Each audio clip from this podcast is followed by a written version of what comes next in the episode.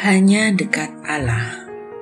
8 Agustus 2021. Berpandangan angkuh.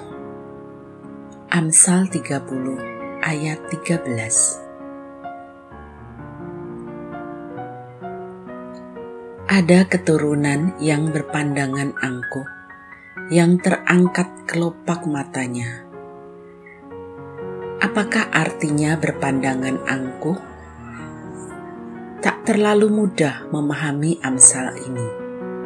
Namun, dalam Alkitab Bahasa Indonesia masa kini tertera, ada orang merasa dirinya baik sekali, bukan main baiknya.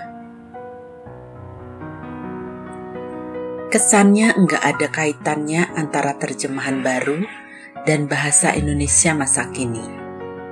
Namun, jika kita telaah lebih dalam, orang yang merasa dirinya baik sekali, bahkan bukan main baiknya, pasti orang yang angkuh.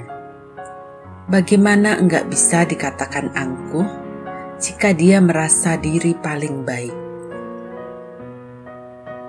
Pertanyaan yang patut kita renungkan adalah, mengapa ada orang yang berani-beraninya menganggap dirinya baik?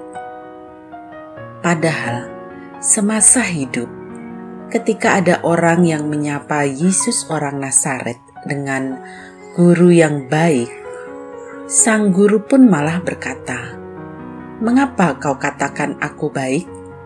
Tak seorang pun yang baik selain daripada Allah saja." Markus 10 ayat 18 Yesus sendiri ternyata tidak mau mengklaim dirinya baik.